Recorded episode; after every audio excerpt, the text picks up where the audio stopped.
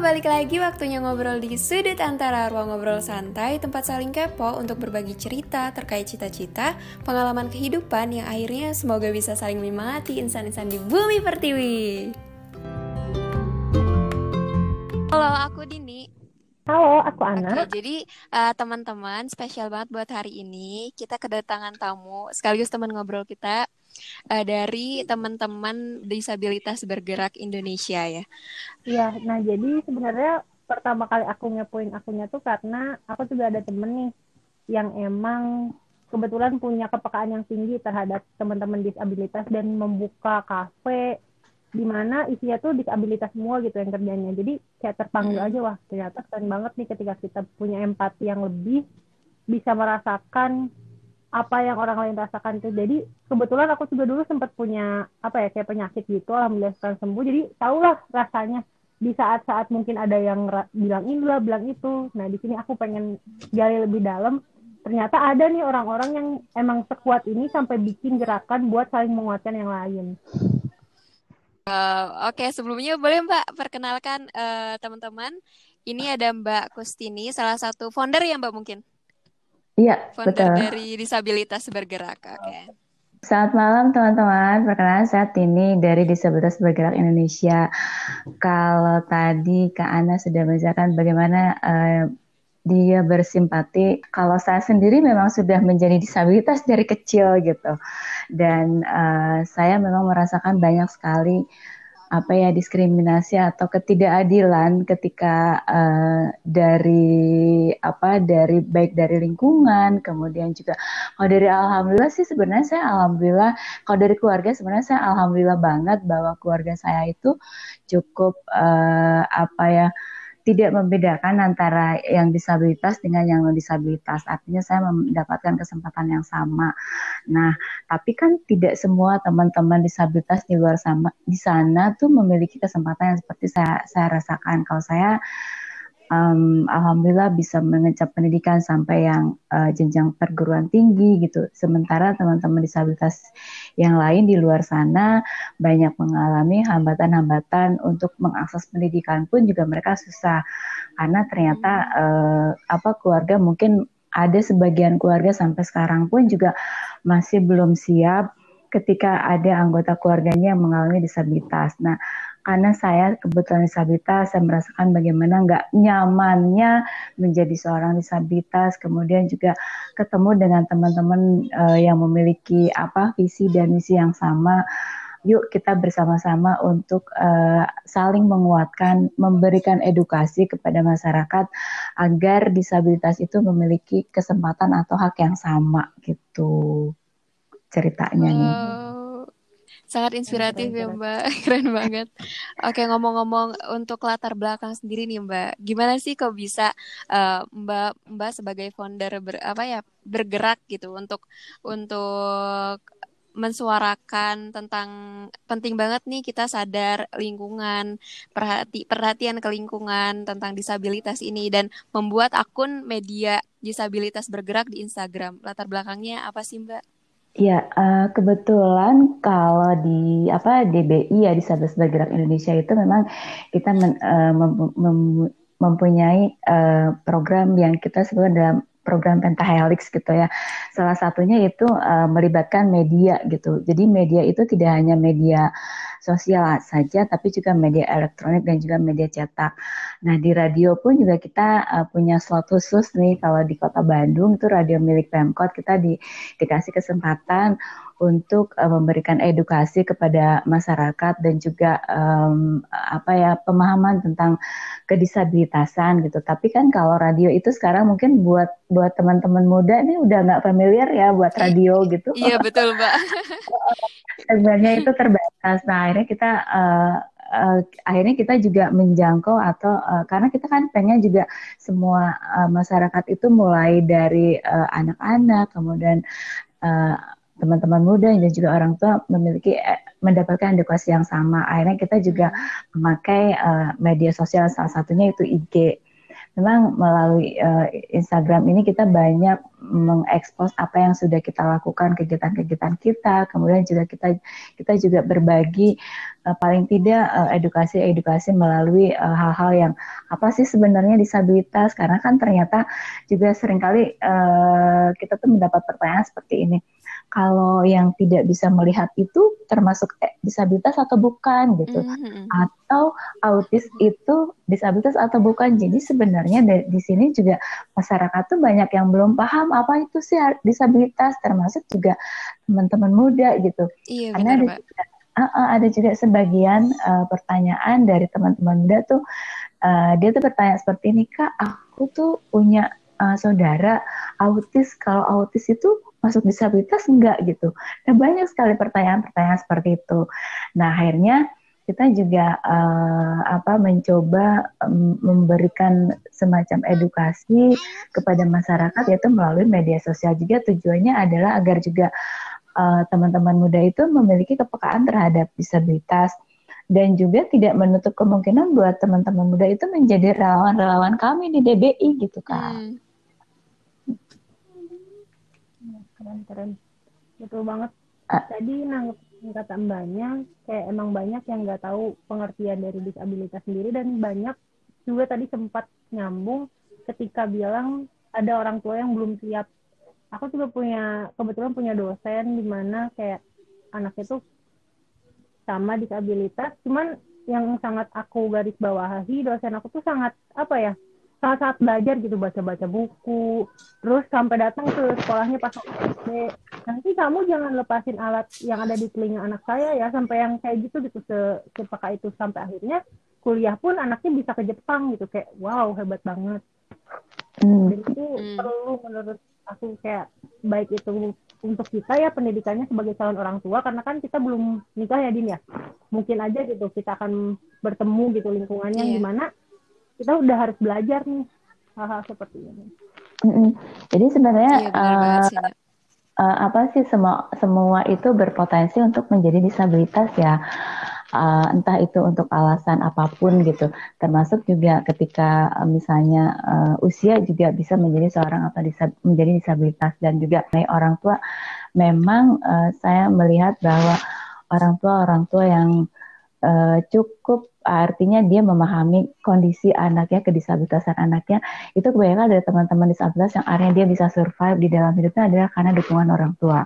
Iya. Nah, uh, ketika orang tua atau keluarga dalam hal ini orang tua itu tidak hanya ayah dan ibu karena ternyata penting juga uh, dari uh, kakak adik kemudian lingkungan sekitar juga memberikan penguatan karena kalau seandainya uh, lingkungan ternyata juga tidak mendukung uh, apa ya untuk si disabilitas itu bisa berkembang itu tetap aja nanti yang paling ini baliknya ke orang tua. Orang tua sudah memberikan hmm. uh, apa ya pendidikan yang cukup bagus gitu, kemudian penguatan yang cukup bagus, kemudian kepercayaan diri yang cukup bagus buat anaknya.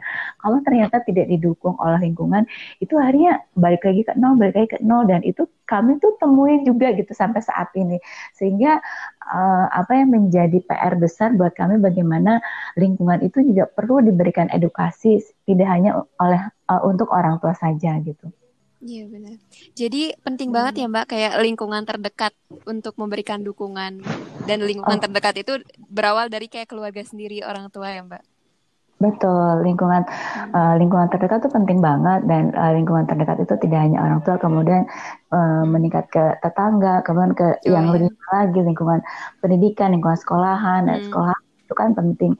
Satu uh, kalau saya boleh sedikit uh, bercerita dan flashback ke belakang, itu kan kebetulan uh, waktu kecil itu sempat masuk ke sekolah luar biasa. Karena saya tuh di samping uh, apa sekolah formal memerlukan pendidikan formal juga saya memerlukan terapi. Karena dulu tuh saya nggak bisa jalan sama sekali. Artinya ke, saya usia 2 tahun itu uh, terkena polio. Kemudian saya yang tadinya sudah bisa berjalan tidak bisa berjalan sama sekali Eh, dan dari sana orang tua kan tentu apa uh, mengusahakan bagaimana saya harus uh, bukan harus bagaimana saya bisa mengembalikan yang tadinya bisa berjalan harus bisa berjalan kembali. Tapi kan ternyata uh, itu pun juga dengan berbagai metode entah itu metode pengobatan secara medis dan juga yang tradisional ternyata nggak nggak ini uh, tidak bisa mengembalikan uh, apa fungsi motorik saya untuk bisa berjalan kembali. Nah, akhirnya saya harus berjalan dengan eh akhirnya saya harus berjalan dengan menggunakan alat bantu. Nah, uh, saya itu karena memang saya hanya mengalami hambatannya itu adalah hambatan fisik, tapi secara intelektualitas saya nggak ada hambatan. Sampai kelas hanya sampai kelas 4 saja saya di sekolah luar biasa. Ketika saya pindah dari sekolah luar biasa ke sekolah uh, umum, itu saya mengalami berbagai macam penolakan. Karena alasannya hmm. adalah saya disabilitas sehingga secara intelektualitas pun saya disabilitas gitu. Dan itu uh, apa ya cukup membuat uh, keluarga kan terpukul juga gitu. Anak saya padahal kan hanya disabilitas secara fisik dan dia secara uh, intelijensi dia tidak tidak disabilitas. Jadi beberapa sekolah yang didatangi itu uh, tidak semuanya bisa menerima sampai akhir, akhirnya saya bisa diterima di sekolah umum karena ada guru di sana. Yang kebetulan tersangka dan dia men menjadi jaminan saya untuk bisa sekolah di sana.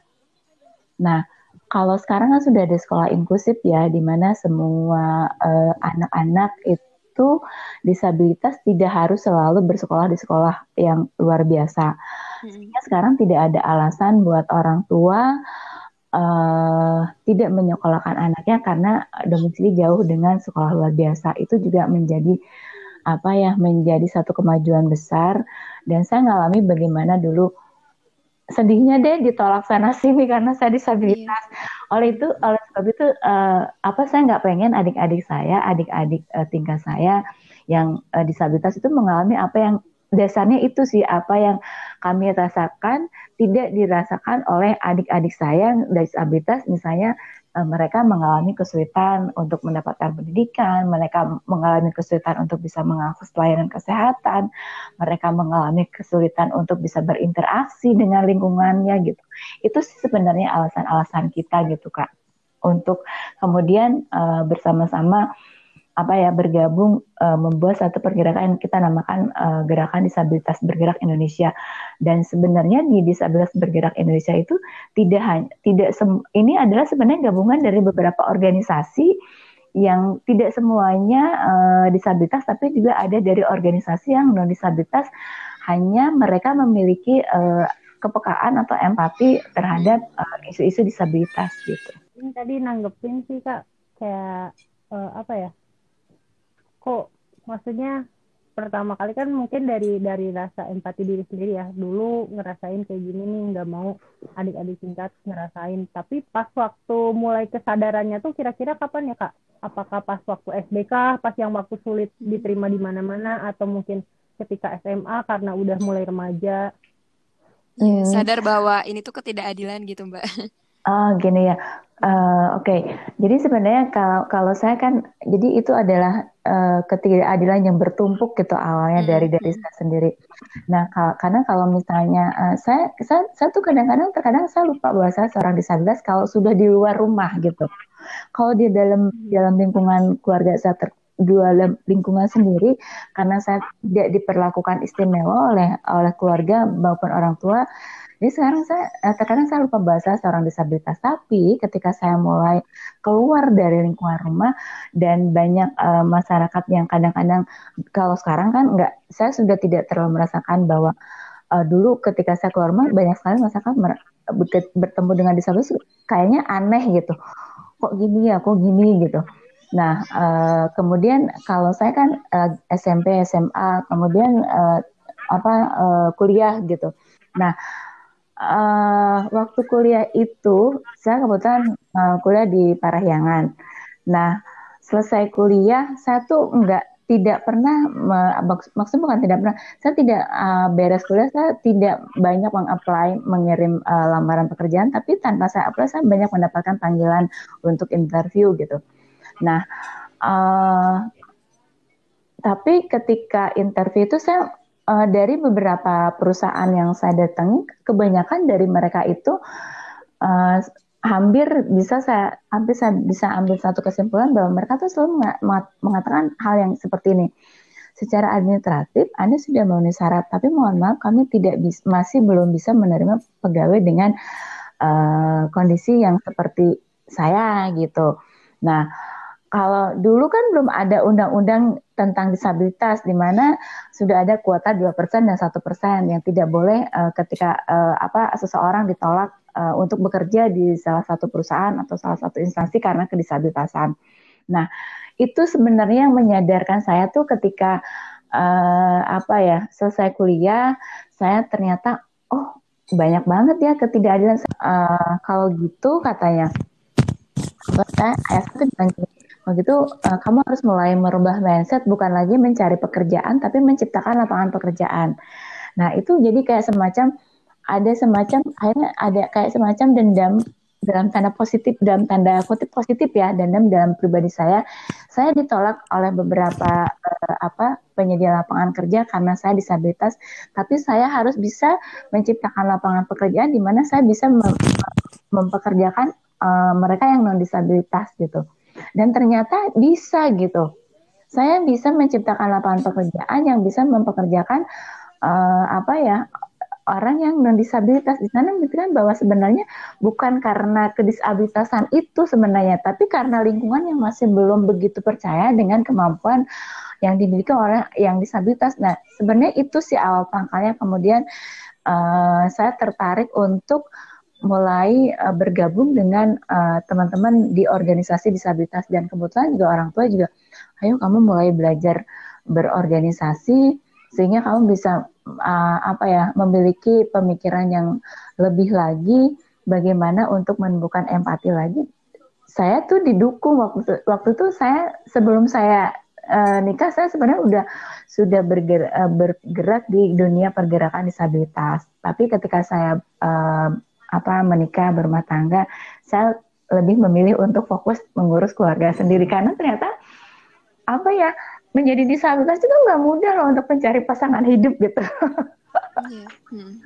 itu juga tantangan. Jadi ketika ketika saya kemudian bisa uh, memiliki suami yang kebetulan juga dia menerima kondisi dengan segala kelebihan dan kekurangan saya, kemudian uh, saya juga memiliki apa ya uh, keturunan saya memiliki anak itu saya ingin uh, apa ya membuat fondasi yang kuat dulu bahwa bahwa uh, anak-anak saya tuh bisa menerima saya dengan kondisi kedisabilitasan saya gitu karena saya melihat bahwa ternyata teman-teman saya yang sesama disabilitas itu banyak juga yang uh, apa anak-anaknya tuh nggak nggak siap gitu dengan kondisi orang tua yang disabilitas itu loh mbak itu juga.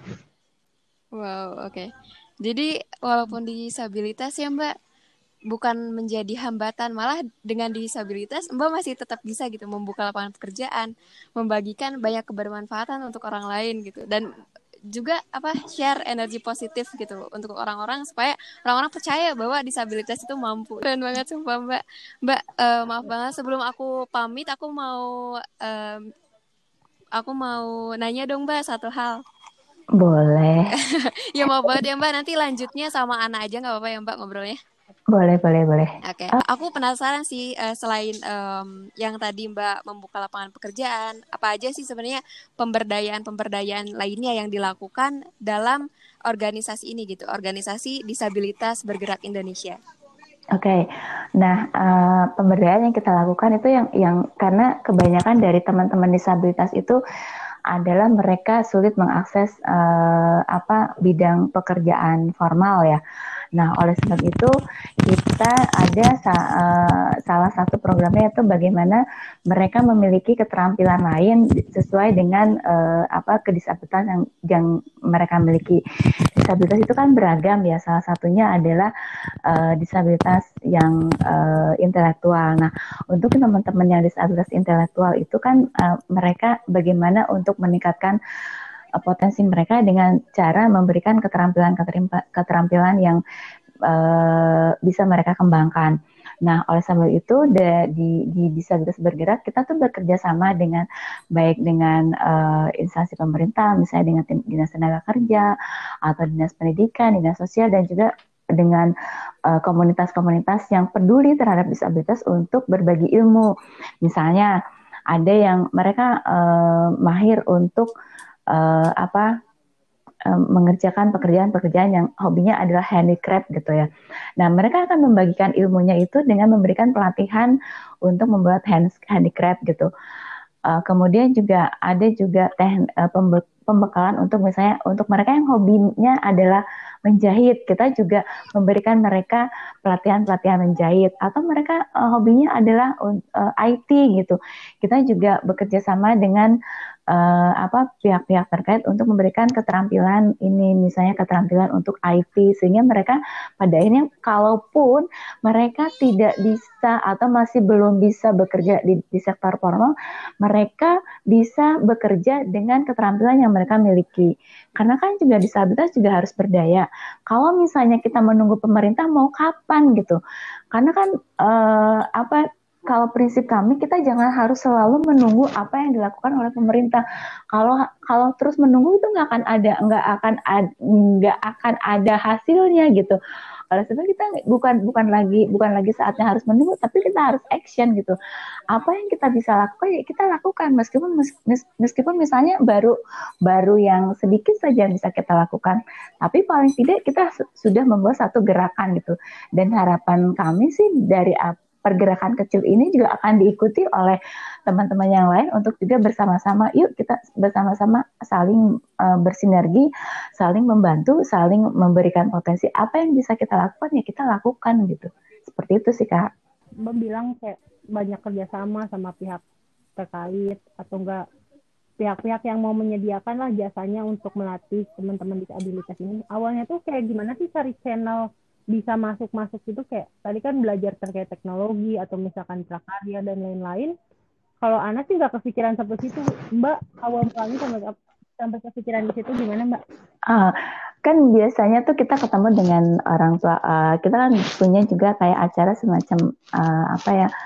Uh, penguatan untuk para orang tua saling acara uh, apa sih peer support gitu peer support dari kelom, uh, dari kelompok-kelompok uh, orang tua. Nah, di antara orang tua orang tua ini kadang-kadang mereka tuh uh, apa bu aku tuh punya uh, bisa bikin ini aku pengen uh, apa berbagi ilmu aku buat juga anak-anak disabilitas yang lain gitu.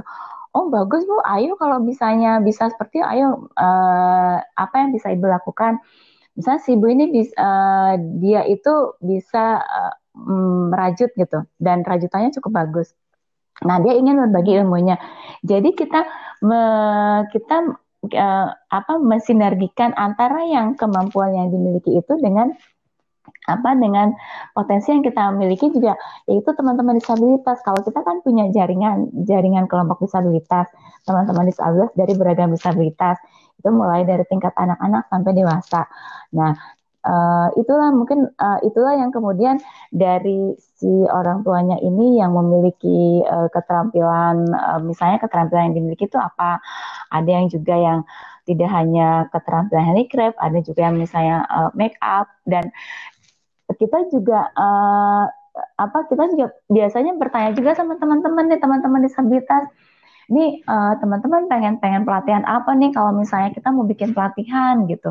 Nah terus ntar ntar dari mereka uh, teh aku pengen pelatihan ini. Misalnya mereka pengen pelatihan servis HP nih.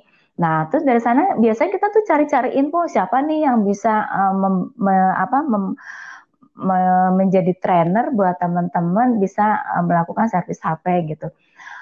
Paling enggak uh, kalau misalnya nanti uh, kita datangin ke komunitas-komunitas atau misalnya kita juga share juga melalui media gitu. Ini ada teman-teman yang pengen pengen belajar servis HP misalnya, terus ada nggak sih yang uh, yang mau berbagi ilmunya? Atau misalnya kita datang ke dinas tenaga kerja.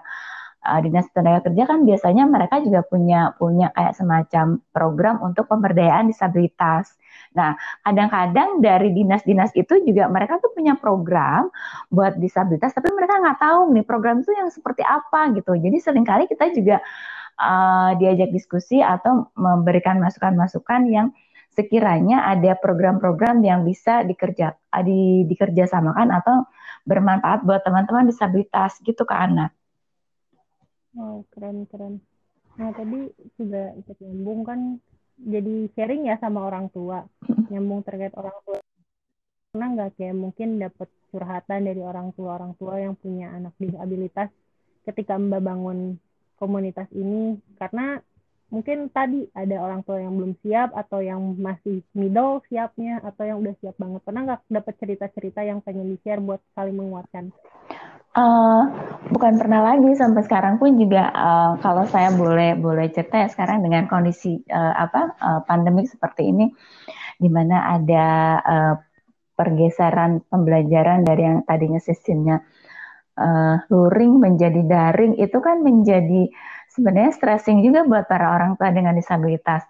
Karena disabilitas itu unik kan dari satu ragam disabilitas itu uh, berbeda-beda gitu ininya. Dan untuk satu ragam disabilitas aja misalnya untuk disabilitas uh, fisik gitu itu pun juga batas kemampuannya kan berbeda-beda. Begitu juga untuk yang sensorik yang sensorik yang seperti netra. Netra itu kan ada yang totally blind ada yang ada yang uh, apa low vision. Artinya nah artinya uh, ada yang benar-benar tidak bisa melihat terus ada yang masih bisa melihat hanya batas kemampuannya itu uh, melihatnya hanya sekian persen. Nah nah dari dari sistem pembelajaran ini juga uh, kita tuh sering banget mendapatkan curhatan dari orang tua. Karena kan kalau anak-anak uh, disabilitas itu uh, kalau misalnya mereka sudah mulai moodnya nggak bagus itu kan nggak bisa dipaksa juga kan buat anak-anak. Nah itu bagaimana kita juga membuat uh, orang tua itu juga tetap harus tetap semangat, sementara anak-anak ini juga harus tetap semangat. Nah, kami juga sebenarnya ada juga dari dari teman-teman relawan uh, yang punya backgroundnya berbeda-beda gitu. Misalnya ada background relawan yang backgroundnya adalah psikolog. Nah, kita akan akan hubungkan gitu antara yang uh, dari orang tua dengan yang uh, psikolog karena mungkin saja mereka itu akan lebih enak kalau ngobrolnya itu dengan yang uh, profesional gitu. Nah itu juga kita hubungkan terus sesama orang tua juga ada kita uh, uh, namanya peer support. Jadi sesama orang tua saling menguatkan. Nah dari pengalaman-pengalaman orang tua itu yang akhirnya uh, bisa bisa mereka terapkan di dalam kehidupannya untuk yang oh uh, misalnya uh, apa ya saya tuh pernah ditanya ini sama orang tua gini, Bu saya tuh anak saya tuh disabilitasnya uh, mental ya yang autism. Terus kalau sudah pubertas, apakah mereka nanti bisa uh, memiliki, bisa memiliki pasangan hidup atau tidak? Saya dalam hati berarti kan kalau ada ada ada pertanyaan sampai segitu dari orang tua, berarti orang tuanya sendiri tuh tidak mengenal bagaimana seorang anak ini bisa mendapat uh, support yang bagus kalau ternyata orang tua ini tidak mengenali dengan hambatan yang dimiliki oleh anaknya sendiri. Nah, itulah pentingnya peer support di, di antara sesama orang tua dengan disabilitas dan juga dengan uh, teman-teman yang ada di komunitas agar uh, kita tuh bisa saling menguatkan gitu, Kak. Mhm. Wah, betul banget sih. Kayak tadi sempat terenyuh sih kayak mungkin kalau anak mikir dari sudut pandang orang tua saking sayangnya ya sampai sampai mikir sejauh itu gitu ketika ada orang tua yang mulai resah dengan kondisi covid ini terus juga pasti kan kegiatan pembelajaran anak-anak juga berubah ya mbak ya uh -uh. nah sejauh mana sih maksudnya mbak mandang dampak covid itu selain terhadap disabilitas yang anak-anak ini mungkin secara keseluruhan terhadap teman-teman disabilitas ini.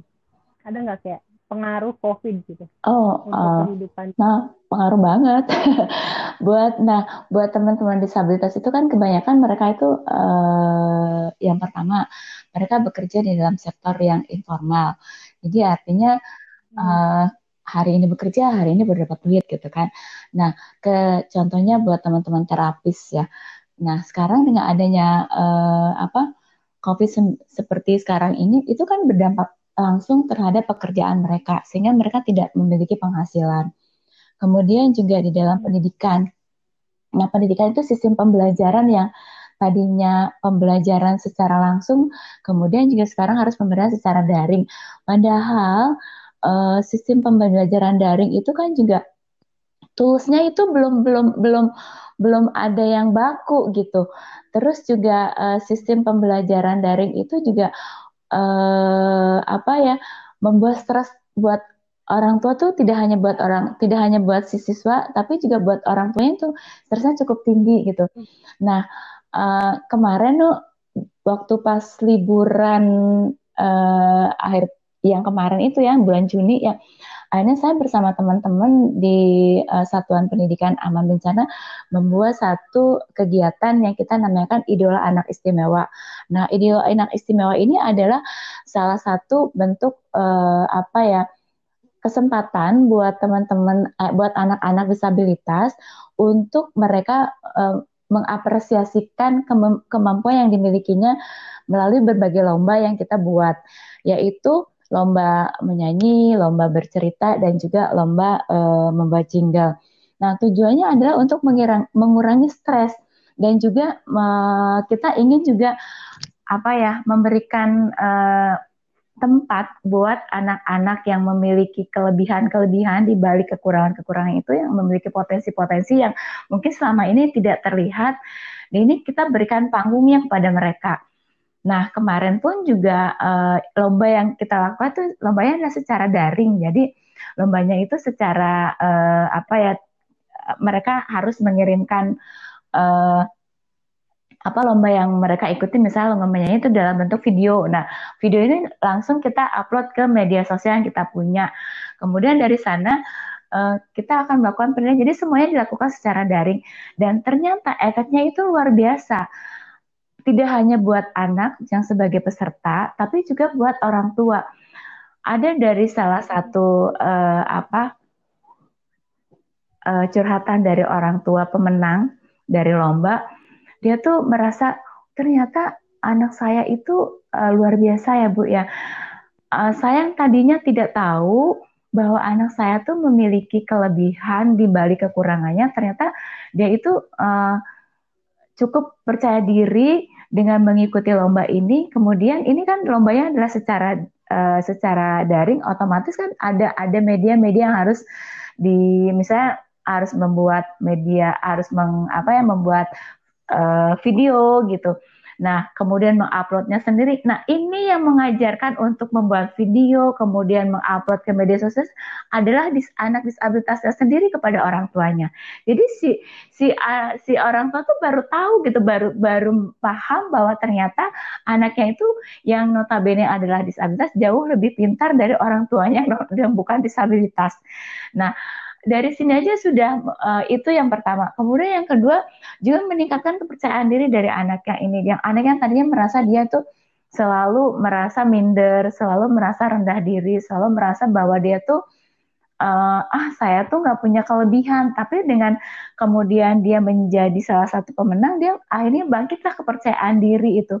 Nah ini yang uh, secara tidak langsung sebenarnya dengan adanya apa ya COVID uh, COVID COVID ini yang ternyata ber, berimbas ke, ke berbagai hal itu ya akhirnya membuat kita tuh yuk kita be, uh, membuat segala sesuatu yang mengurangi stres di tidak hanya buat orang tua tapi juga buat anak-anak. Karena sebenarnya anak-anak disabilitas ini juga rentan menjadi korban kekerasan di dalam kondisi stres uh, orang tuanya ini mbak gitu. Dan uh, akhirnya bagaimana kemudian kita menciptakan lingkungan yang uh, aman dan nyaman buat tumbuh kembang buat anak-anak disabilitas itu di dalam paling tidak di dalam lingkungan keluarganya gitu mbak. Keren keren. Karena ya bisa dari atau enggak juga sih kayak sekarang itu ketika COVID malah manusia, maksudnya semua aspek manusia tuh sangat terpengaruh.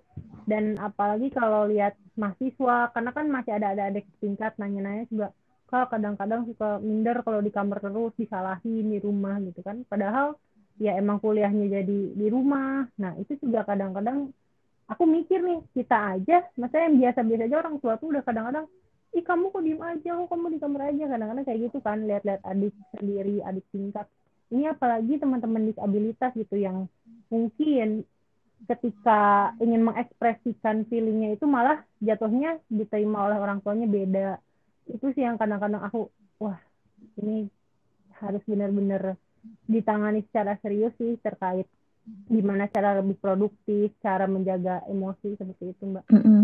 Dan sebenarnya ada lagi yang lebih penting itu buat teman-teman disabilitas yang buat anak-anak disabilitas yang misalnya memerlukan terapi ya.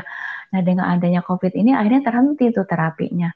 Karena kan uh, uh, karena kan terapi itu kan juga uh, tidak semua semua bisa dilakukan oleh orang tuanya sendiri. Ada yang terapi-terapi yang memang memerlukan tenaga-tenaga profesional. Nah, sekarang kan terbatas kan interaksi terbatas gitu. Kemudian juga uh, keluar rumah juga terbatas. Nah, akhirnya itu juga ber, berdampak langsung buat anak-anak yang seharusnya mendapatkan terapi, akhirnya uh, mereka terkendala gitu.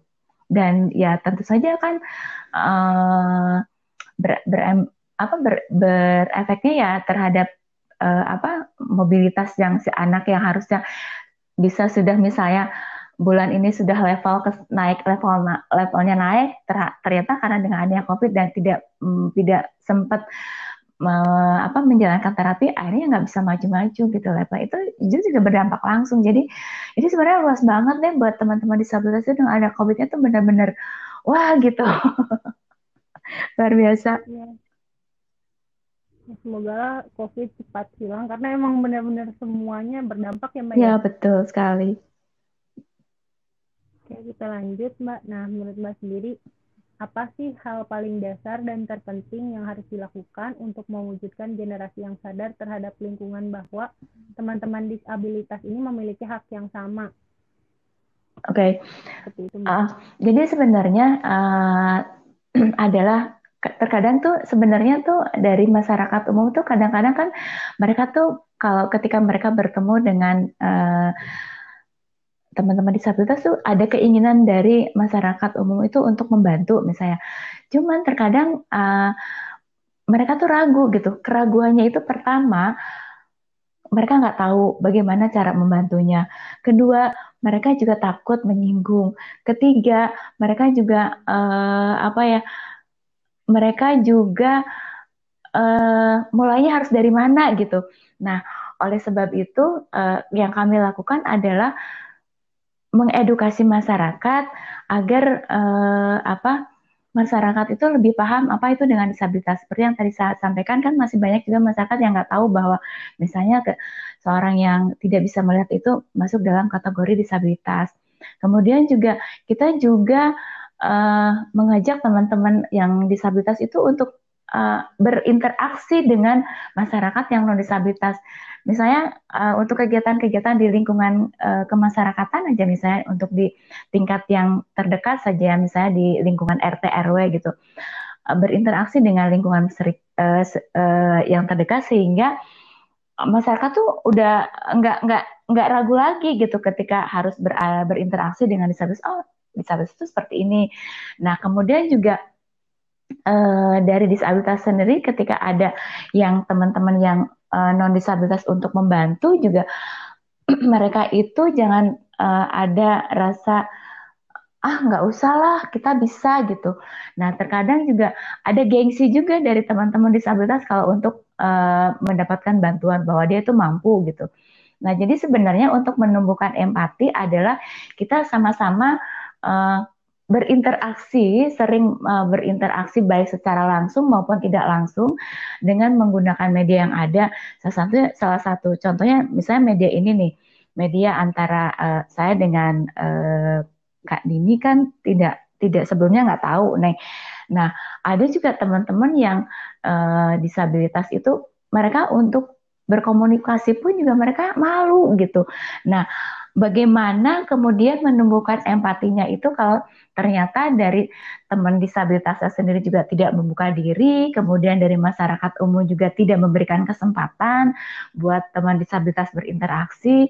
Nah, oleh sebab itu uh, di DBI itu ada ada salah salah satu program yang nama yang namanya Disabilities Goes to Campus, yaitu kami uh, ingin membuat lingkungan pendidikan tinggi yang uh, peduli terhadap disabilitas atau ramah terhadap disabilitas karena tidak menutup kemungkinan bahwa nanti uh, perguruan tinggi itu bisa menerima uh, mahasiswanya yang disabilitas.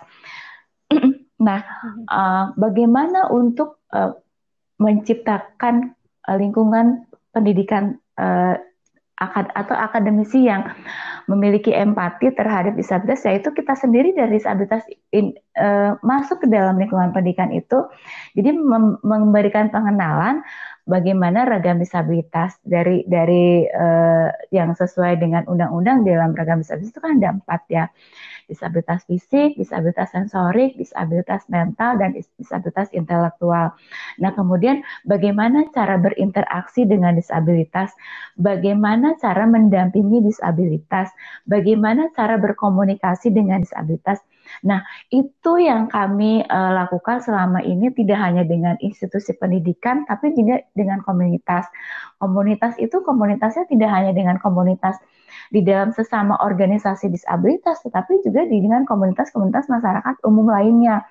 Misalnya dengan uh, kelompok ibu-ibu PKK, dengan uh, Karang Taruna, kita juga melakukan kegiatan bersama gitu, sehingga kemudian mereka akan terbiasa atau mereka memiliki empati terhadap disabilitas. Kalau seandainya mereka tidak mengenal disabilitas, bagaimana mereka akan tumbuh rasa empatinya?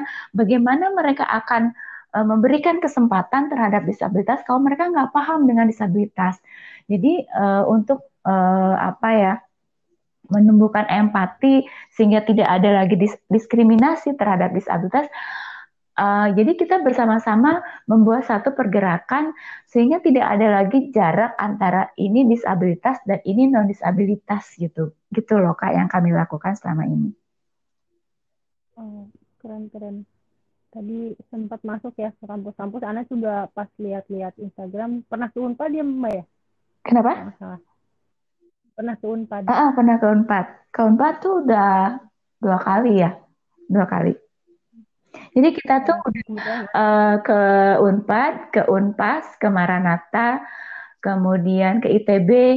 Nah itu yang uh, universitas yang sudah kita uh, apa lakukan di beberapa universitas. Ke Unpad tuh udah udah dua kali. Yang pertama uh, kita di Fakultas Ilmu Sosial dan Ilmu Politik. Uh, yang kedua juga sama, kemudian di Maranatha itu di, dengan mahasiswa kedokteran, di Unpas itu dengan mahasiswa dari teknik. Jadi biasanya mereka tuh uh, apa ya? Ada yang dari teman-teman kita juga kan membuka uh, teman-teman uh, generasi muda untuk menjadi relawan di DBI.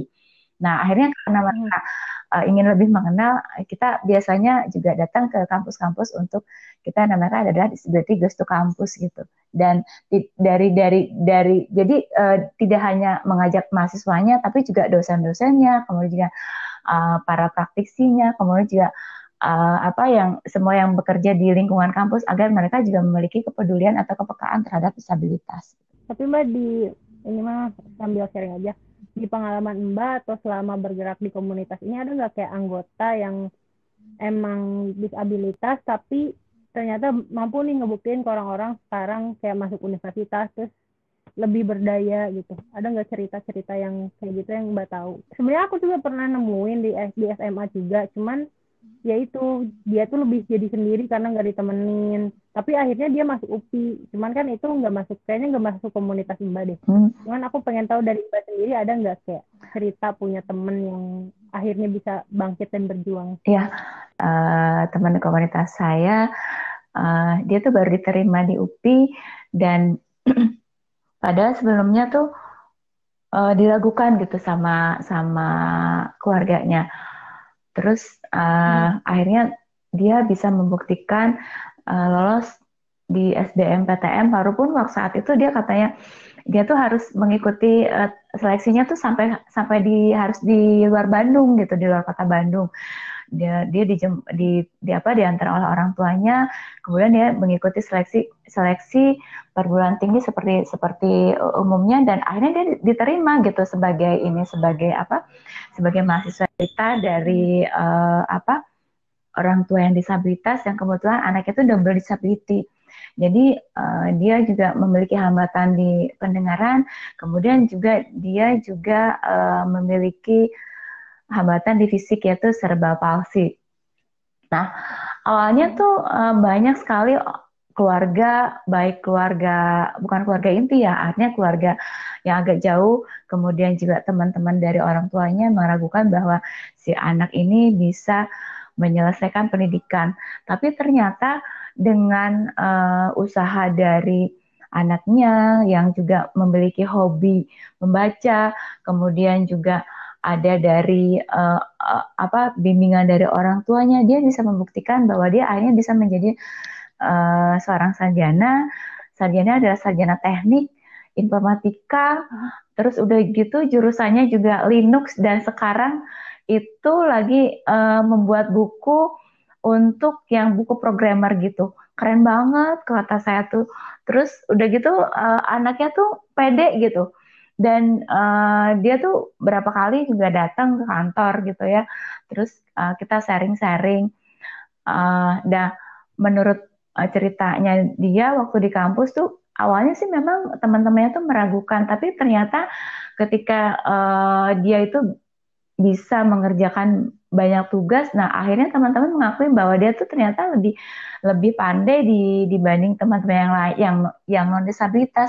Nah akhirnya karena kepandaiannya itu dia bisa diterima oleh lingkungan gitu. Kadang-kadang orang kan hanya ngeliat dari ah dia disabilitas bisa apa gitu. Padahal justru uh, dia lebih lebih lebih apa yang lebih memiliki kemampuan yang lebih di atas rata-rata gitu kayak gitu dan itu bisa membuktikan bahwa sebenarnya uh, teman-teman disabilitas itu ketika diberi kesempatan dia itu memiliki potensi yang nggak kalah dengan yang masyarakat yang yang non disabilitas gitu kak. Wah, keren keren.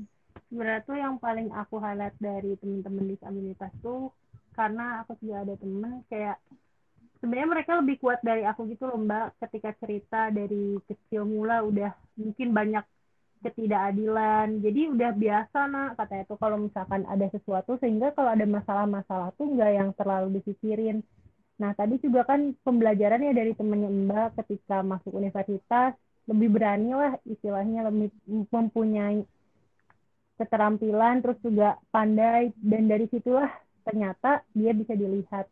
Itu juga teman anak yang cerita juga kayak sebenarnya sakit hati awal-awal cuman akhir-akhirnya ya udah maksudnya nerima-nerima aja. Karena ternyata ketika kita dihadapkan terhadap suatu masalah yang sangat besar itulah yang akan menjadi fondasi kita untuk bisa menghadapi masalah yang lainnya gitu sih. Mm -hmm. Iya sih. Kuat -kuat. Uh -uh.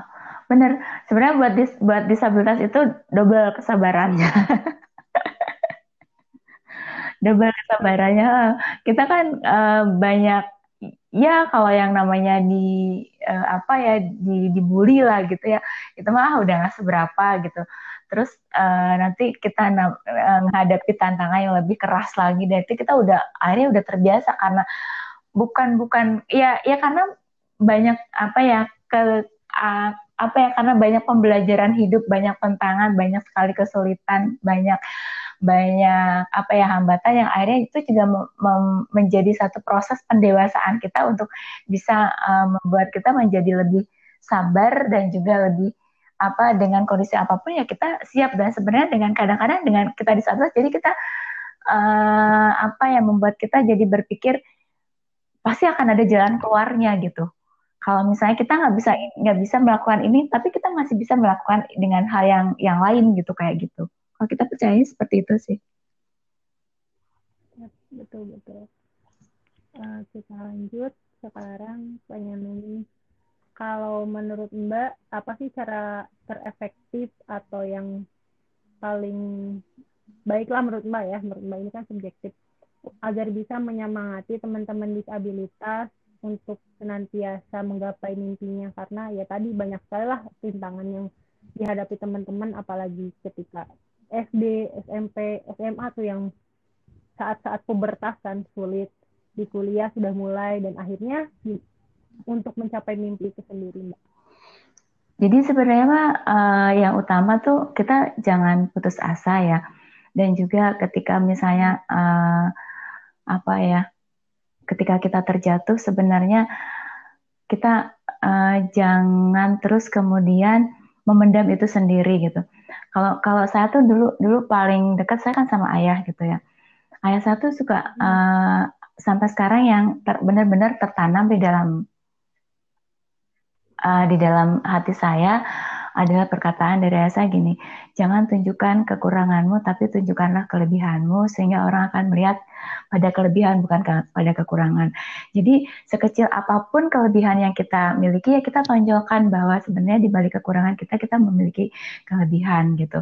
Dan kita harus percaya bahwa di balik uh, kekurangan-kekurangan yang uh, kita miliki sebenarnya uh, apa ya tidak ada manusia yang yang sempurna. Karena kesempurnaan itu hanya milik Allah gitu. Dan dan kalau saya sih percayanya bahwa uh, apa setiap orang itu memiliki garis hidup yang uh, berbeda ya. Dan kalau kemudian uh, kalau kemudian saya bisa sampai di tahap seperti ini, saya bisa menerima uh, apa kondisi kedisabilitasan saya itu memang itu adalah proses. Saya pun pernah mengalami masa-masa di mana saya uh, apa ya tidak siap dengan kondisi kedisabilitasan saya. Saya tuh marah dengan keadaan. Hmm, kenapa saya berbeda dengan saudara-saudara saya yang lain? Saya berbeda dengan teman-teman saya yang lain. Uh, saya tidak banyak sekali hal yang tidak bisa saya lakukan gitu. Tapi kemudian saya kembali berpikir, saya kalau saya marah, saya marah sama siapa? Terus saya marah sama orang tua, orang tua pun juga sama, mereka pun tidak menginginkan anaknya menjadi seorang disabilitas. Kalau saya marah sama Tuhan, berarti kan saya tidak menerima uh, saya sebagai uh, pribadi yang sudah diberikan kehidupan gitu. Dan sebenarnya justru dengan uh, kedisabilitasan ini akhirnya saya banyak belajar dan kemudian juga uh, saya juga banyak kemudian juga belajar dari tidak hanya dari teman-teman disabilitas tapi juga dari masyarakat luas. Sehingga saya juga uh, apa ya mencoba buat teman-teman yang uh, sesama disabilitas jangan merasa rendah diri. Kemudian potensi yang dimiliki uh, di, di dimiliki oleh teman-teman itu di, di terus digali gitu. Jadi misalnya kita kita hobinya apa gitu, kita senangnya apa, nah itulah digali gitu semua yang potensi yang kita miliki. Karena sebenarnya uh, belajar itu kan juga kalau sekarang sebenarnya belajar itu kan bisa dari mana saja. Nah, kita jangan jangan berhenti belajar di sekolah formal. Kalau misalnya kita berhenti belajar di sekolah formal, sebenarnya kita rugi gitu. Jadi teruslah belajar itu uh, sepanjang hidup kan ya. Jadi kalau saya sih menghimbau buat teman-teman disabilitas, kita jangan berhenti meningkatkan uh, potensi yang ada dimiliki eh, teman-teman. Uh, jangan berhenti untuk meningkatkan kualitas sehingga orang itu akan melihat uh, pada kita tuh bukan pada kedisabilitasan kita sendiri, tapi kemampuan yang dimiliki oleh atau kelebihan yang dimiliki oleh kita gitu. Nanti kalau misalnya uh, kita memiliki kelebihan, dia orang kan ngelihat, oh iya ternyata dia disabilitas, tapi ternyata dia juga memiliki kelebihan ini gitu. Jadi uh, saya selalu, selalu bilang kepada teman-teman, selalu uh, jangan lelah untuk terus belajar, untuk terus meningkatkan potensi, untuk terus mengasah diri dari mana pun uh, kita belajar. Belajar itu bisa dari uh, teman sendiri, bisa dari media apa pun, bisa juga dari radio, dari ini. Karena uh, ada satu, satu kejadian di mana satu sedih sampai sekarang tuh saya sedih. Satu eh, kan kadang-kadang satu suka mendatangi daerah-daerah gitu mbak sama teman-teman.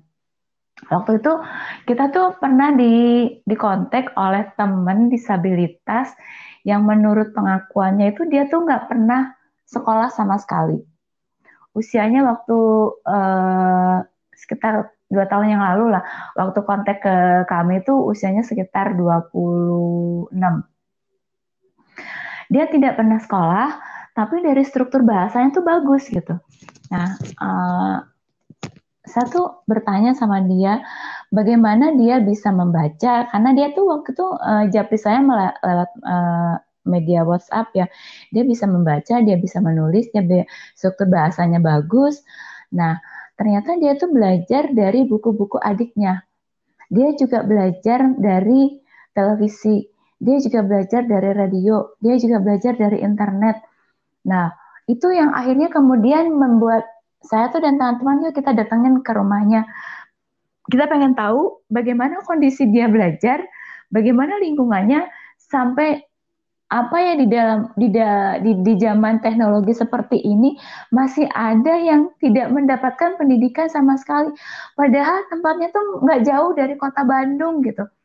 Nah ini ini saya dengan teman-teman datang ke sana dan uh, sedih deh. Saya kalau ingat sana sedih banget gitu.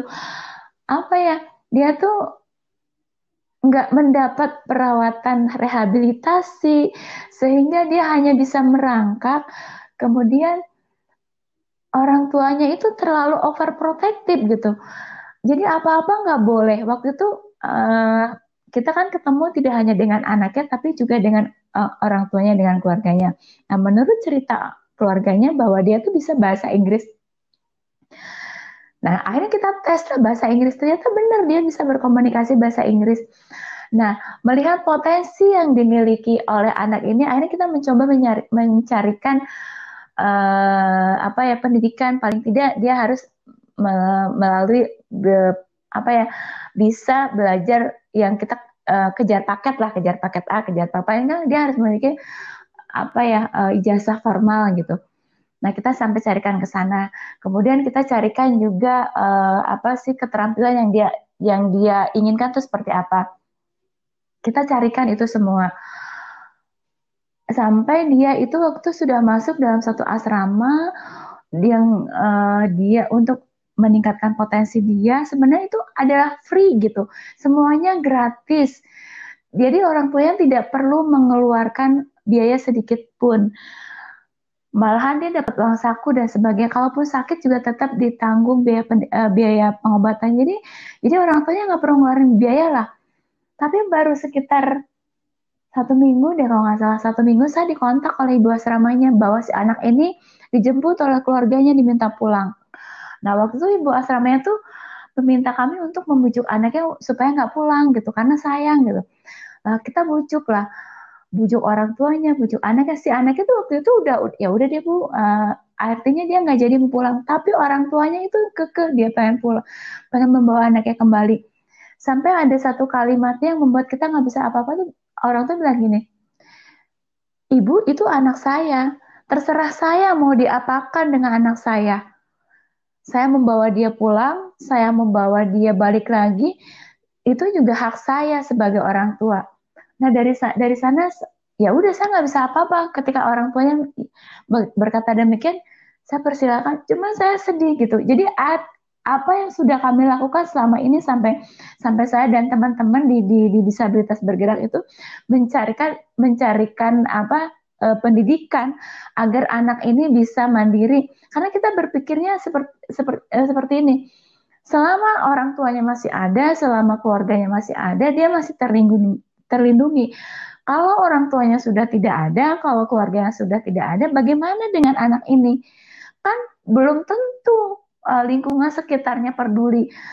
Toh selama ini pun dia juga tidak mendapatkan pendidikan sama sekali. Nah itu yang sebenarnya satu sedih gitu. Jadi pendidikan itu kan pendidikan buat kita itu yang buat disabilitas tidak hanya buat disabilitasnya sendiri, tapi juga kita juga memberikan pemahaman buat keluarga agar agar teman-teman disabilitas itu memiliki hak yang sama. Jadi ketika saya dan teman-teman itu bertemu dengan teman-teman disabilitas, yang utama adalah bagaimana teman-teman itu bisa terus-menerus meningkatkan kualitas diri, meningkatkan potensi diri sehingga ketika mereka berkompetisi dengan masyarakat umum, kalau berkompetisi secara fisik pasti itu kalah, tapi ketika mereka berpotensi secara intelektualitas itu adalah uh, pasti di, uh, ketika disabilitas berkompetisi dengan uh, apa integritas mereka mereka bisa berkompetisi secara secara fair gitu. Jadi di saya dengan teman-teman di disabilitas bergerak itu selalu selalu mengajak teman-teman uh, bertemu dengan teman disabilitas itu jangan berhenti untuk terus belajar, jangan terus berhenti untuk terus meningkatkan potensi apa pun yang di yang dimiliki oleh teman-teman terus diasah terus itu sebenarnya kak. Sebenarnya tadi kayak aku juga nangis gitu loh denger ceritanya karena sedih banget pas waktu tahu anaknya nggak bisa sekolah lagi dan pas mbak bilang apa ya walaupun ada keterbatasan tapi yang namanya belajar itu harus tetap entah itu belajar formal atau misalkan dari buku ilmu pengetahuan sekitar atau bahkan dari kehidupan. Karena kalau aku kalau mungkin teman-teman disabilitas sangat kuat banyak karena banyaknya keterbatasan gitu. Keterbatasan fisik mental keadaan mungkin lingkungan juga. Kalau aku juga uh, apa ya aku jadi inget gitu loh kayak sekarang sekarang kebetulan ada cerita ayah aku kan sekarang ya istilahnya udah pensiun jualan sembako gitu.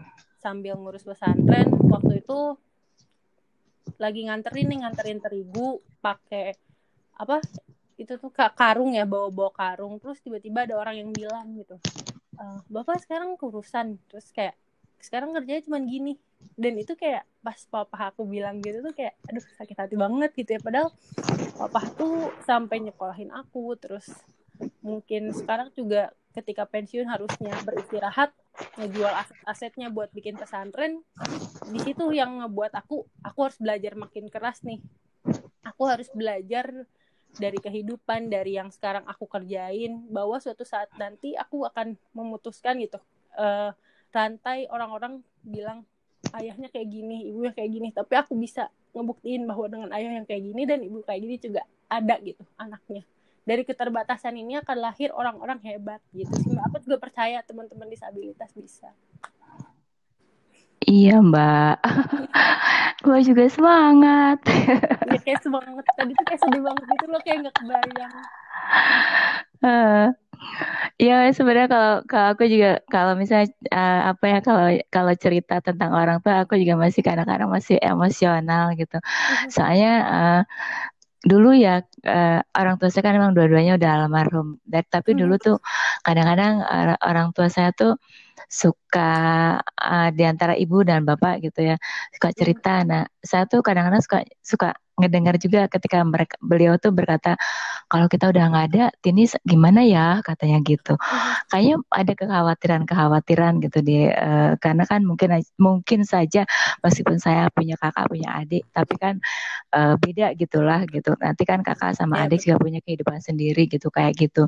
Jadi sebenarnya uh, kenapa saya tuh uh, selalu apa ya uh, kalau ketemu teman-teman disabilitas agar mereka itu lebih lebih kuat, lebih percaya diri yang terutama untuk meningkatkan potensi apa pun yang dimiliki uh, agar mereka itu bisa apa bisa lebih dihargai lah di masyarakat sehingga mereka tidak uh, tidak dilihat dengan karena keterbatasannya tapi karena kemampuan gitu yang dimiliki. Karena memang sampai saat ini masih masih belum banyak masyarakat yang bisa memberikan uh, kesempatan yang seluas-luasnya uh, apa jadi artinya gini masih ngelihat casing gitu dibanding ya, isinya gitu kayak gitu. Jadi belum apa apa udah ngejudge ah apa sih yang bisa dilakukan? Ah apa sih? gitu kayak gitu. Padahal kan diam-diam kan siapa tahu dia malah bisa lebih hebat daripada yang ngomongnya gitu kayak gitu. Ya betul. Sih kayak makanya sebetulnya kalau menurut aku ya kadang-kadang pembelajaran terpenting itu pembelajaran hidup gitu. Kalau misalkan ilmu pengetahuan dari buku, dari kelas itu kita bisa pelajari, tapi yang kalau dari kehidupan gimana cara survive, gimana cara ngebangun mental itu sulit banget sih.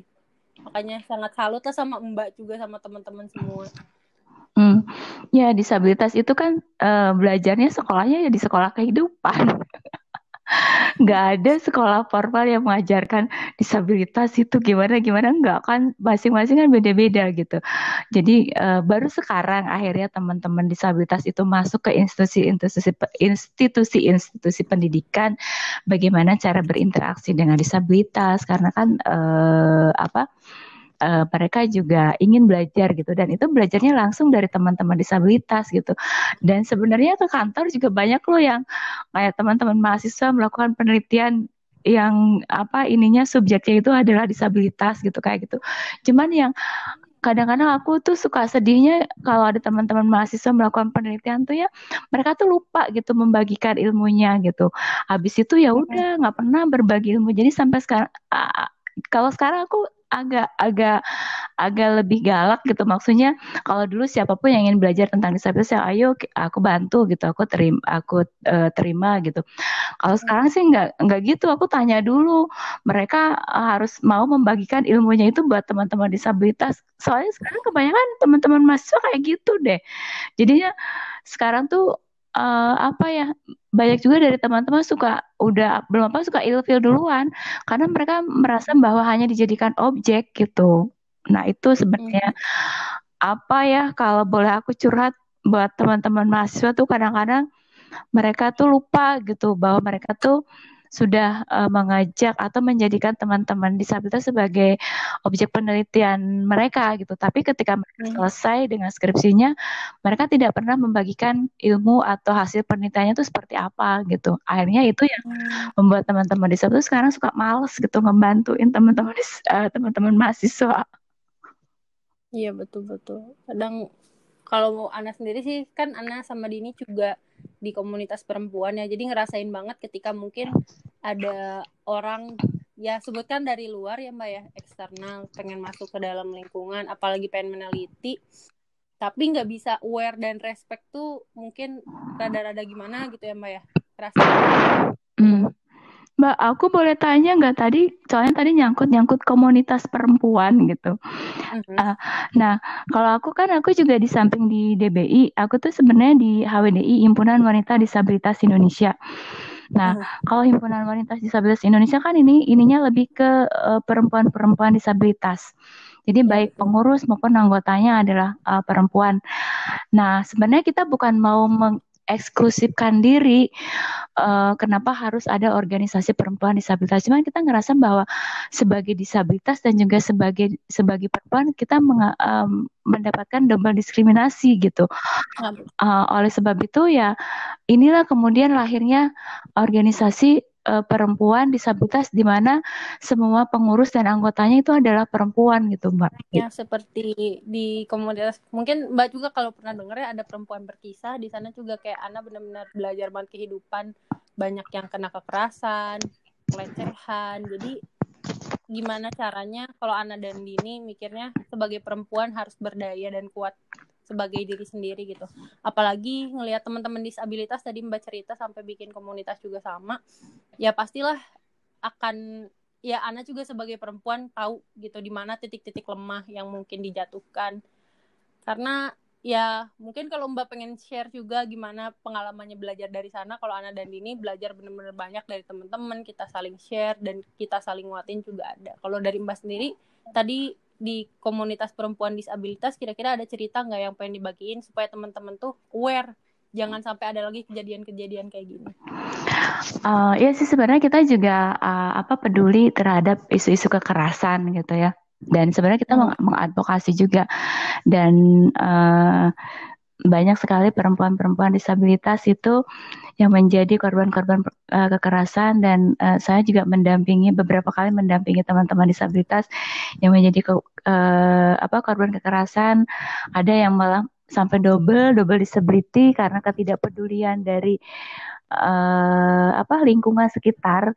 Akhirnya dia menjadi sudah pernah menjadi korban dia bisa menjadi korban yang kedua kalinya saat itulah uh, saya marah sebenarnya karena uh, kok bisa sampai berulang gitu. Akhirnya tapi justru ketika kami datang ke sana malah seakan-akan si apa ya aparat desa setempat itu kayak marah. Malah seakan-akan kita tuh seperti ikut campur gitu.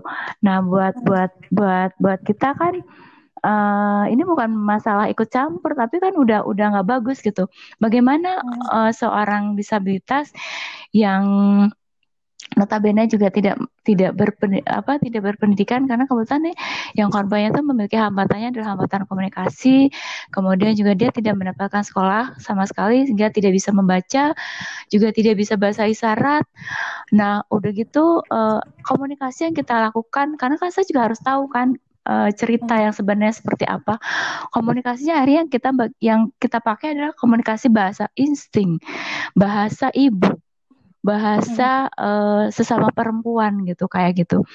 Dan itu tantangan banget sih buat saya juga sebagai apa sebagai uh, apa salah satu pengurus di organisasi perempuan yang memang um, aware terhadap isu-isu perempuan, uh, isu-isu ke, uh, gender, isu-isu kekerasan dan uh, apa ya sampai dan kebanyakan justru kasus-kasus uh, pelecehan itu ketika sudah berhadapan dengan hukum itu masih belum banyak yang tuntas secara uh, hukum. Jadi akhirnya korban itu tidak mendapatkan keadilan buat kita karena baik dari aparat penegak hukumnya pun juga uh, mereka menganggap bahwa kesaksian yang diberikan oleh teman disabilitas itu nggak masih belum cukup katanya gitu.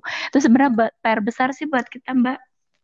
Iya betul sekali ya kayak memang sulit sih ketika menemukan kasus-kasus juga pada akhirnya tidak terselesaikan. Apalagi selain penyelesaian kasus juga ada masalah yang paling besar adalah membangun kembali mental sih kalau menurut anak bener banget. ya. Mm-mm, agar dia tuh nggak nggak nggak nggak apa ya nggak putus asa lah. Udah cuman gemes aja kadang-kadang tuh ini uh, apa ya kok bisa gitu? Uh, ya, ya gitulah mungkin. Karena ngerasain juga kalau sampai yang iya bener kayak kok bisa kok masih ada manusia kayak gini. Kadang-kadang gitu. juga sampai sampai kayak kepikiran. Untungnya mas saya dari situ juga saling menguatkan sih yang paling penting. Kalau misalkan nggak dikuatin ketika maksudnya ketika jatuh terus nggak ada yang nguatin itu tuh bakalan lebih susah. Betul mbak. Aku tuh pernah waktu itu uh, sampai itu korban tuh ya dibawa ke rumah karena ternyata dia itu di sini di Bandung seorang diri uh, jauh dari keluarga terus menjadi korban kekerasan dari teman dekatnya sendiri. Uh, dari P2 TP2A juga nggak punya rumah aman sementara dia terus dikejar terus dan dia merasa nggak akhirnya dibawa ke rumah. Satu minggu terus uh, di rumah. Dan akhirnya saya juga kan mesti mesti komunikasi kan dengan keluarganya. Saya komunikasi hmm. sama keluarga yang kebetulan di luar pulau. Nggak ada di uh, Jawa gitu ya. Itu dari Indonesia Timur. Nanti akhirnya keluarga minta ya sudah deh bu dipulangkan saja. Padahal waktu kasusnya udah sampai ke kepolisian udah sampai ke ini apa kita juga melakukan pendampingan karena di, apa ya dia juga kan jangan sampai dia terus menjadi saya waktu itu dia bilang gini udahlah bu sampai saya tuh nangisnya gini loh mbak. Apa ya dia sampai bilang gini udah deh bu nggak usah diterusin kasusnya. Mungkin memang saya layak di, diperlakukan seperti ini. Terus kalau misalnya saya saya uh, lanjutkan de, sampai ke proses hukum, saya takut nanti keluarga saya akan menjadi korban. Katanya soalnya si pelakunya itu adalah teman sekampungnya dia di sana gitu di di kampungnya dia gitu.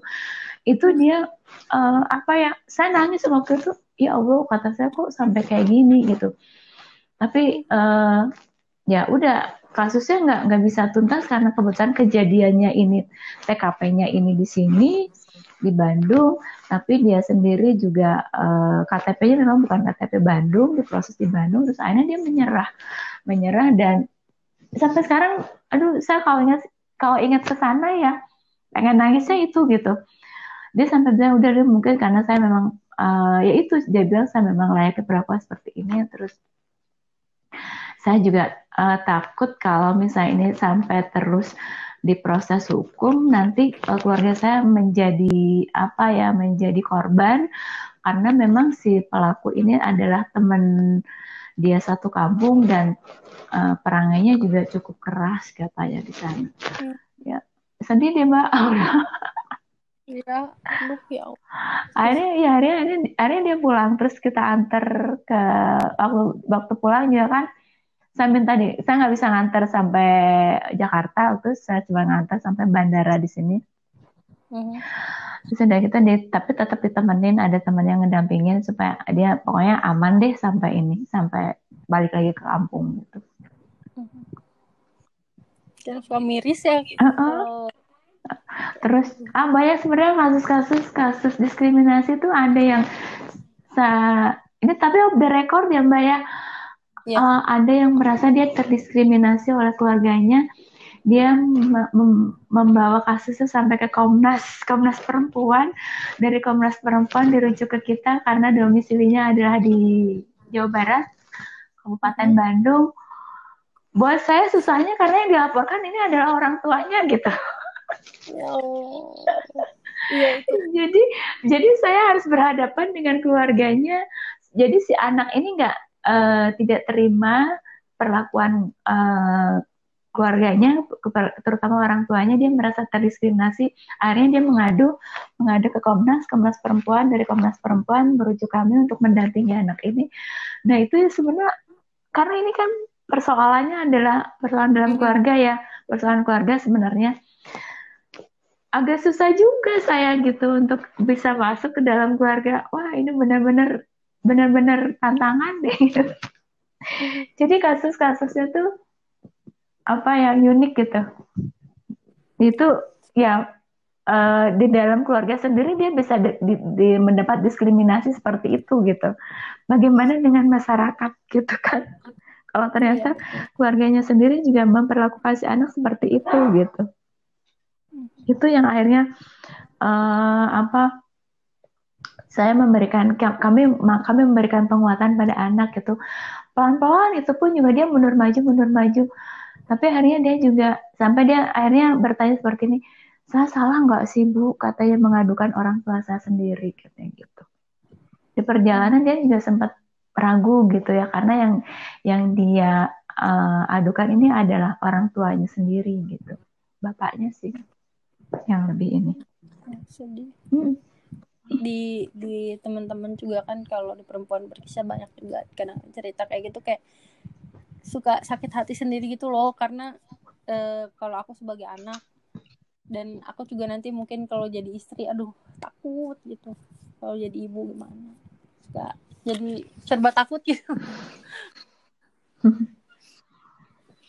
Ya semoga bisa apa ya di Indonesia bisa lebih menurun lah kasus-kasus seperti itu amin nah sebetulnya apa sih mimpi yang sangat diharapkan oleh Mbak dari organisasi yang Mbak bangun gitu. Tadi kan ada perempuan disabilitas, terus ada dis disabilitas bergerak juga. Nah, apa sih sebetulnya mimpi yang sangat Mbak harapkan yang bisa Mbak bawa di kemudian hari khususnya biar bisa dirasakan oleh masyarakat sekitar?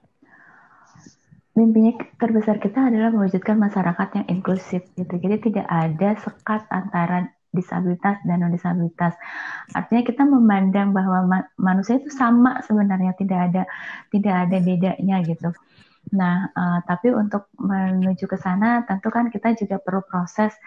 Kalau sekarang sudah jauh lebih lebih apa uh, baik perhatian dari pemerintah, kemudian juga dari masyarakat, kemudian kesempatan-kesempatan juga sudah lebih terbuka ya. Tinggal buat uh, masyarakat disabilitas tinggal bagaimana kemudian teman-teman disabilitas juga mem memanfaatkan peluang-peluang yang ada agar uh, masyarakat agar bisa lebih terbiasa lagi untuk berinteraksi dengan disabilitas misalnya memanfaatkan adanya sekolah-sekolah inklusif di mana sekarang kan tidak ada lagi uh, apa alasan untuk disabilitas tidak bersekolah karena misalnya jauh dengan SLB kemudian juga memanfaatkan peluang adanya kuota 2% uh, untuk yang pekerjaan 2% dan satu dan satu persen buat uh, pekerjaan-pekerjaan formal. Nah, bagaimana caranya untuk bisa mengakses itu ya tentu dengan terus meningkatkan kapasitas yang dimiliki oleh teman-teman disabilitas itu sendiri.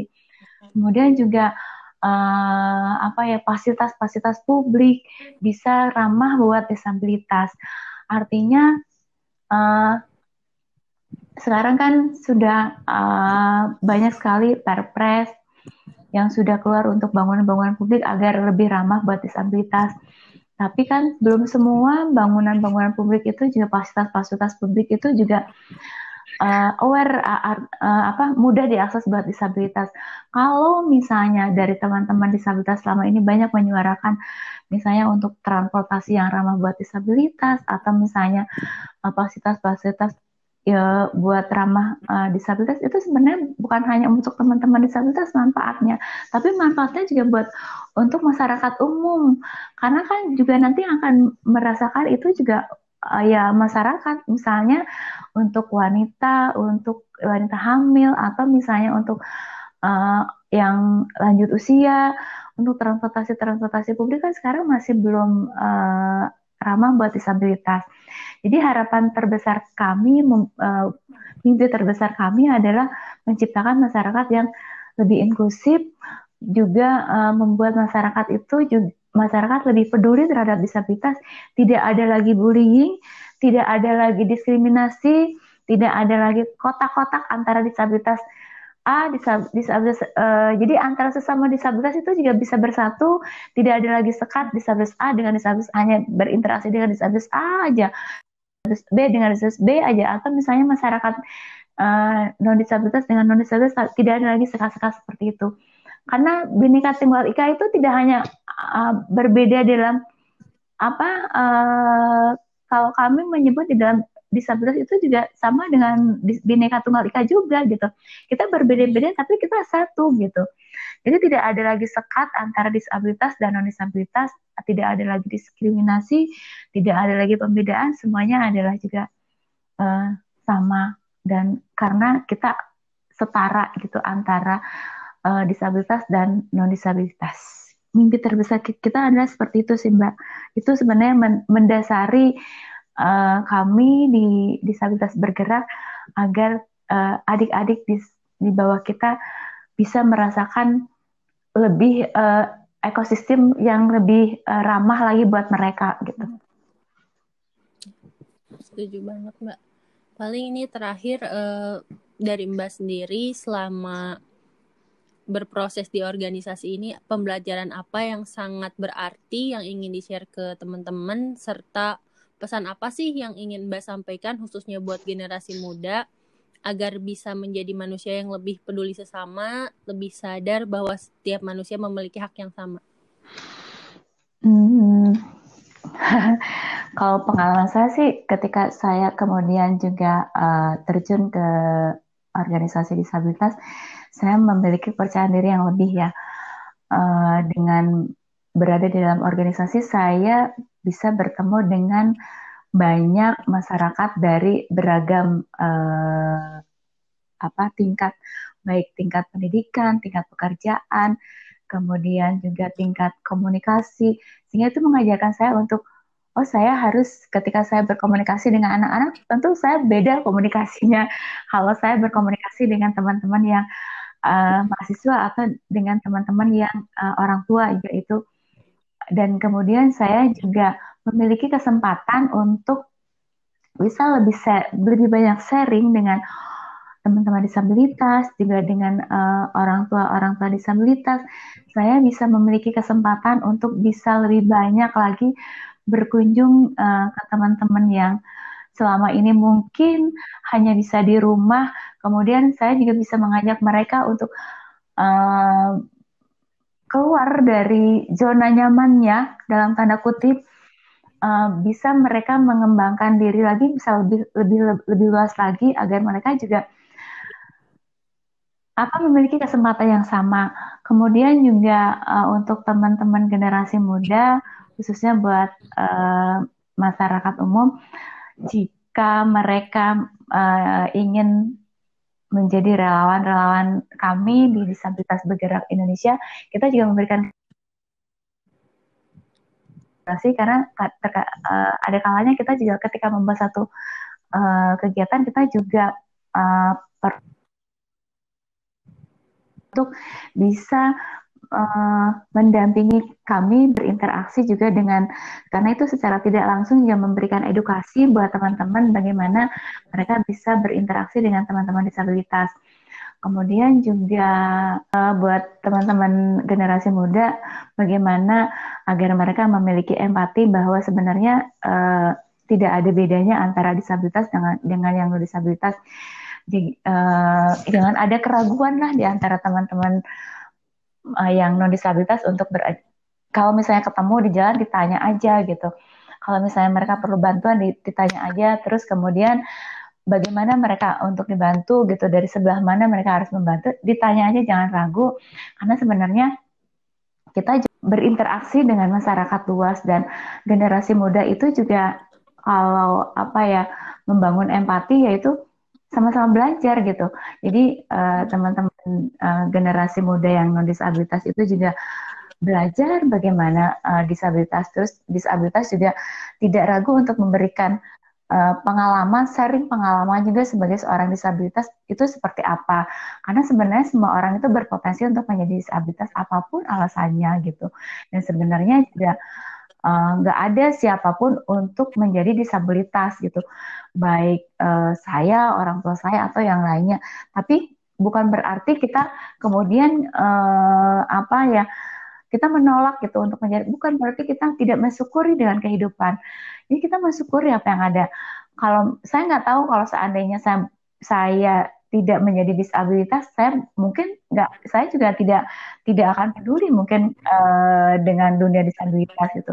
Jadi lebih peduli lagi kepada masyarakat yang non disabil, yang disabilitas dan juga yang non disabilitas gitu. Jangan berkecil hati karena di balik kekurangan-kekurangan itu pasti ada kelebihan-kelebihannya gitu kak wah keren banget banyak banget nih pembelajaran dari mbaknya semoga besar harapan gitu kita sebagai generasi muda bisa lebih aware bisa lebih menempatkan empati dalam kehidupan di segala aspek karena menurut Ana sih empati adalah sesuatu hal yang sangat penting ya Mbak ya. Amin. Bagaimana kita melihat dunia. Terima kasih Mbak sekali lagi. Sama-sama. Perjuangan Mbak dan teman-teman semua bisa terus dimudahkan, dilancarkan. Karena anak yakin sih yang namanya berjuang di dalam kebaikan sesulit apa pun pasti akan ada jalan, Mbak. Amin, amin sama-sama. Makasih juga sudah ngobrol-ngobrol banyak, gak kerasa nih sejam lebih ternyata. Iya, tungguin di episode selanjutnya ya.